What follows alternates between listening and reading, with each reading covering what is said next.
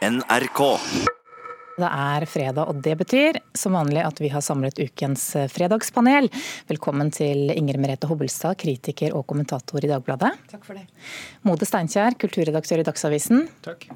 Og Åsmund Færavåg, scenograf, møbelsnekker og billedhugger blant annet. Du er debutant i panelet, men du er altså aktuell med flere prosjekter, bl.a. opera i Belgia. Ja, eh, jeg har fått muligheten til å lage noe utenfor landets grenser. Og jobber for tida da med en opera, 'Rusalka' av Dvorsak, sammen med da andre norske kunstnere, bl.a. Allan, Allan Øyen eh, i, i Belgia. Og det har da premiere nå i slutten av året. Likevel hadde du tid til å svinge innom oss. Det er vi glad for. Vi skal starte med den nyheten som kom på tirsdag. Da ba norsk politi om unnskyldning for urett og trakassering som politiet har utsatt homofile for opp gjennom tidene. Historiker Svein Skeid var i studio her i NRK rett etter at unnskyldningen kom.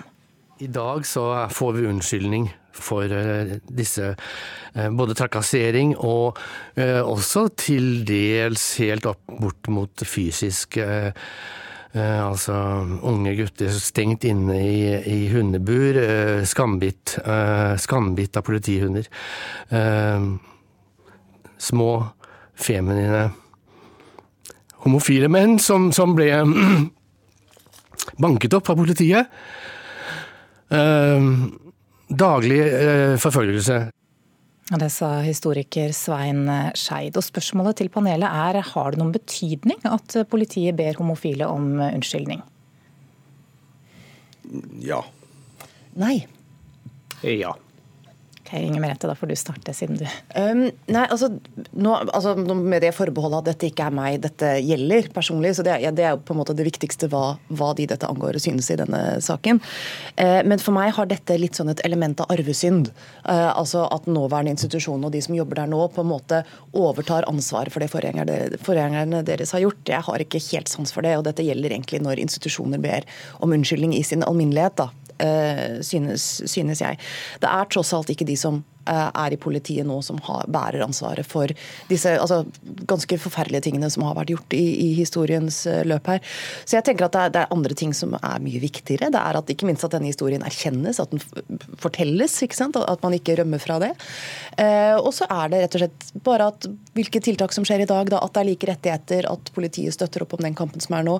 Så når jeg ser det, er det er det, det som teller, og ikke det at på en måte den byrden skal lempes over fra de som faktisk utførte det, og få noen som ikke har gjort det. Men det er etaten, da, Færøvåg? Ja, nei, jeg, jeg syns jo det er positivt at at også da innenfor politietaten så er det en holdningsendring, og, og at de på et eller annet vis uh, viser det. Men om de egentlig tar ansvar for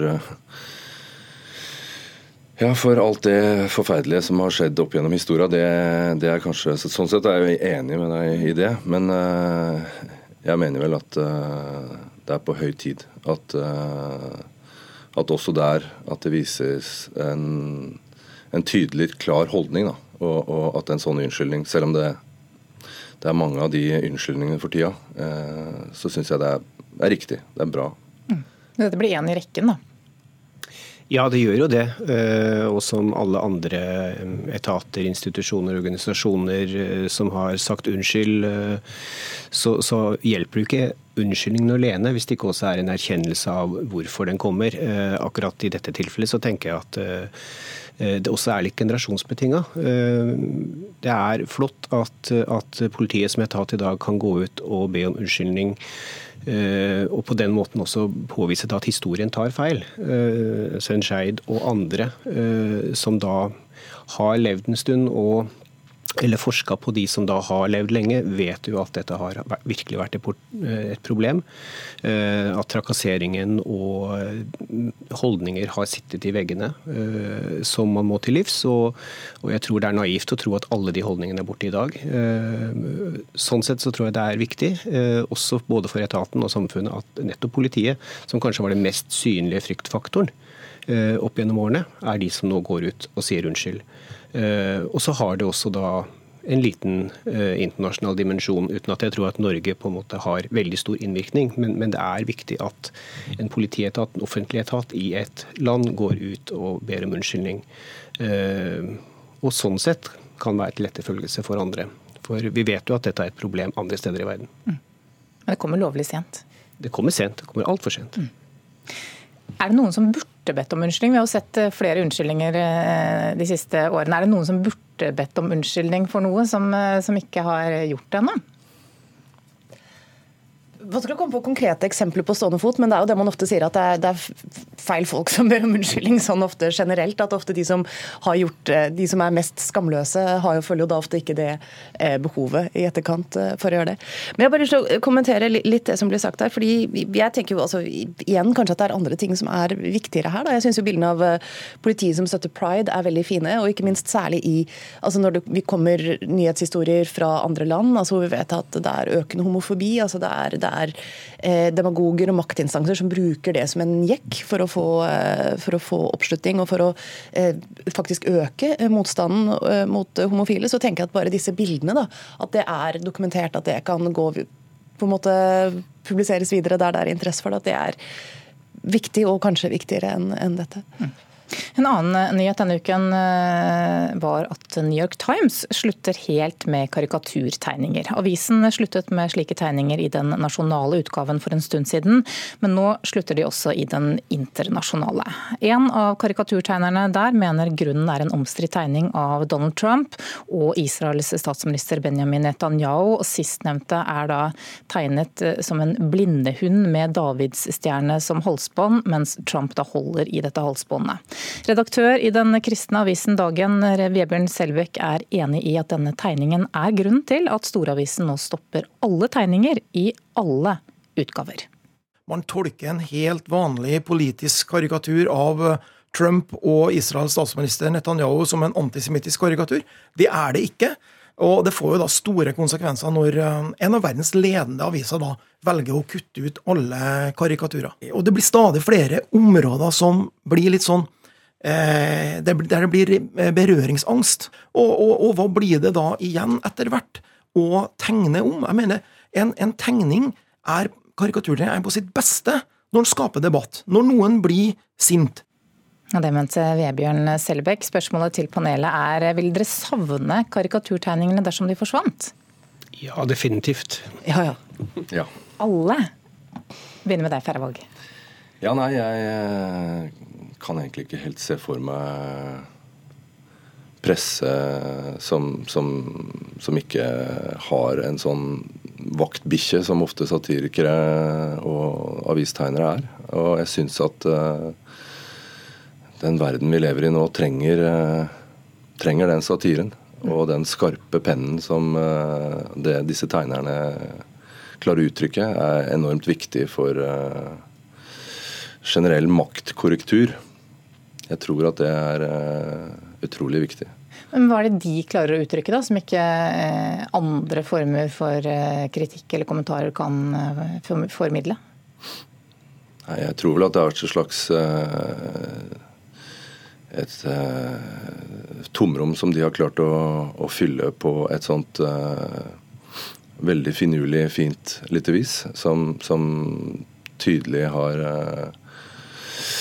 ja, vist en slags uh, sin rett til, til liv liksom, gjennom, gjennom, mange mange år. Uh, fin, funnet en, en, vei å kor korrigere og kritisere på som, som jeg tror veldig få andre måter å gjøre det på. Det, det er liksom en sånn veldig, veldig presis og god uh, korrektur. Jeg har ja, mange gode minner fra å ha lest avisen og tenkt uh, nye tanker etter å ha sett uh, gode parodier og, og, ja, et sånt eget lite blikk på, på verden som, som, på en måte ikke noen andre steder finnes, liksom. Det, jeg, tror, uh, jeg tror vi vil savne savne dette, altså. Så mm.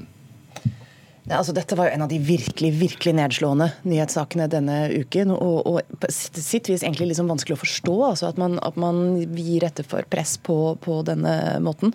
Eh, for det er jo klart at denne tegningen er, er innafor, og, og, er, og er maktkritikk. da, altså er, er ganske ramsalt eh, spark rettet mot personer med fryktelig stor makt, og som gjør ting som har konsekvenser for fryktelig eh, mange mennesker. Og, og dette blir jo på en måte noe av en litt sånn feig teknikk, tenker jeg tilbake. fordi når veldig mektige mennesker og institusjoner fremstilles som om de er ofre. Som om de er skjøre, som om de på en måte eh, er noen grunn til at liksom, de skal føle seg krenket av denne typen, uh, typen kritikk. Altså, det er jo å snu ting, uh, snu ting litt på hodet. Eh, og, jeg, og, jeg, tenker at dette med at, at, noe er støtende, at det brukes litt som en hersketeknikk da, rett og slett for å slippe en type latterliggjøring som alltid har vært en veldig viktig del av, av makkritikken. Er det feigt? Ja, altså Dette er en type kritikk som, som, jeg mener er noe av det viktigste som vi har i den tradisjonelle pressen. Eh, og jeg tror og håper at den også har noe å si i tida som kommer. Eh, når det gjelder New York Times, så er det klart at eh, de har mange mektige fiender, men de har også veldig mange mektige venner. Og her er jeg litt usikker på hvem det er som har øvd størst press. Eh, og Det er nok denne ene tegningen som, som ble nevnt her i stad, som er grunnen til at de nå eh, har funnet et, eh, et, påskudd, for å kalle det det, til å kutte ut tegninger. Jeg er ikke sikker på om det er framstillingen av Netanyahu, eller om det er hodeplagget som, som Trump har fått, som har gjort at dette har, har velta det hele. Men det er klart at New York Times, for dem så er det kanskje plausibelt å, å kunne kutte tegninger akkurat nå. Uh, dette har også med avisøkonomi å gjøre, uh, og ikke bare med sensur. Uh, men at de, at de, kutter tegningene nå for godt på nettopp denne tegningen her, det tror jeg er et knefall for de som vil kneble den frie ytringen, da, som, som, karikaturtegninger virkelig er, som en fristilt kommentar i seg selv, enten knytta til tekst eller om den står Eh, alene eh, på trykk. Vi husker jo karikaturstriden på, på starten av 2000-tallet om tegningen av muslimenes profet Mohammed. Det skapte store opptøyer mange steder. Var det begynnelsen på slutten? Jeg tror det er mange ting som, som, spiller inn her. Jeg tror helt klart den striden var en eh, vekker for mange, samtidig som det også altså Vi ser jo ikke lenger karikaturtegninger av Mohammed eh, i noen særlig stor grad. så det har jo på en måte hatt, Den vant jo faktisk frem. altså Det ble en generell demping der eh, av, av satirikere og, og karikaturtegnere. Eh, men jeg tror jo også dette har litt med måten man inntar nyheter, eh, kunst, uttrykk nå, at det er veldig nettbasert, at det lett kan bli ikke sant, Måten det sprer seg på, måten man snakker om der, at det kan lett oppstå en type press. Da, og som i en mediehverdag som er veldig preget av kommersiell tenkning, at det også fort kan bli litt sånn at man eh, tar ikke risikoen på å få mennesker imot seg, rett og slett. Altså at det blir en sånn man opplever at det ikke er rent sånn kommersielt verdt det. Og Det er også en enorm utfordring for mediebransjen eh, i dag. Det at Hvis på en måte kundene føler seg støtt, da, så er det de som man ofte retter seg etter.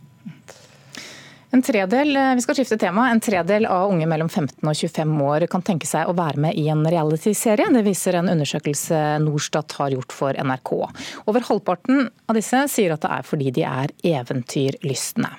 Amalie Snøløs har både vært med i realityserien Farmen og i Skal vi danse, og hun sier at hun gjorde det fordi hun trengte en pause. Og så fikk jeg meg bare et innfall av at jeg plutselig ble veldig usikker på hva jeg egentlig ville i livet, og følte at jeg hadde brukt ekstremt mye tid på den samme tingen. Og kjente at jeg hadde et behov for å ta en pause. Og for meg så fantes det ikke noe bedre pause enn å faktisk slippe å betale regninger, slippe å ta telefonen, slippe å se vennene mine. Og det har ikke noe med at jeg ikke liker dem, men rett og slett bare slippe livet, livet jeg lever generelt, og ta en pause fra det. Ja, Er realityserier blitt den nye folkehøyskolen? ja, kanskje. Kanskje, ja. ja. Nei. Ok, Farahvåg, da starter du.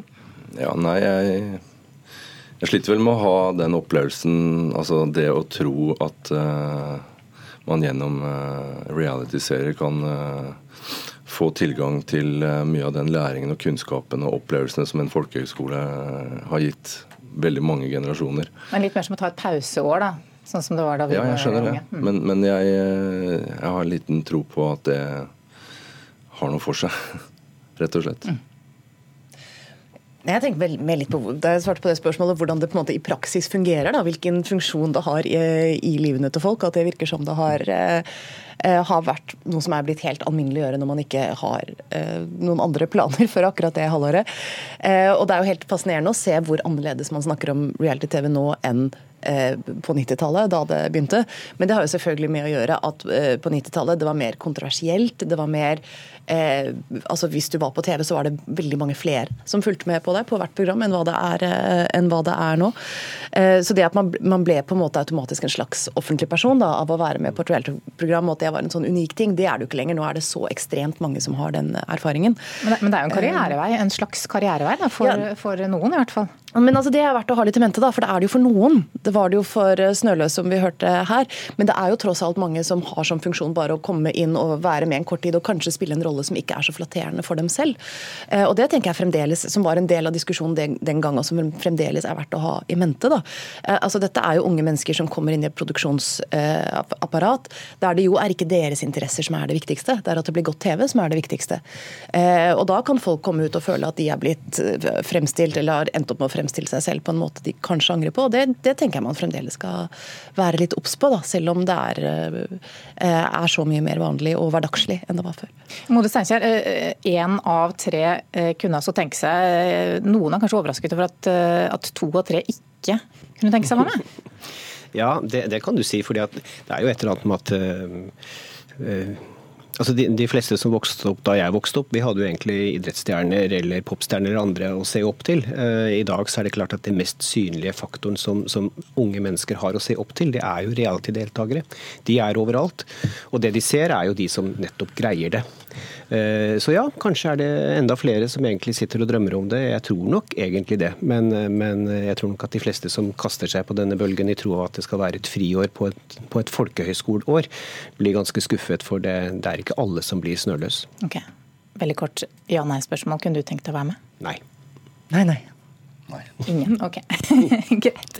Da takker vi av ukens fredagspanel Inger Merete Hobbelstad, kritiker og kommentator i Dagbladet, Mode Steinkjer, kulturredaktør i Dagsavisen, og Åsmund Færavåg, scenograf, møbelsnekker og billedhugger.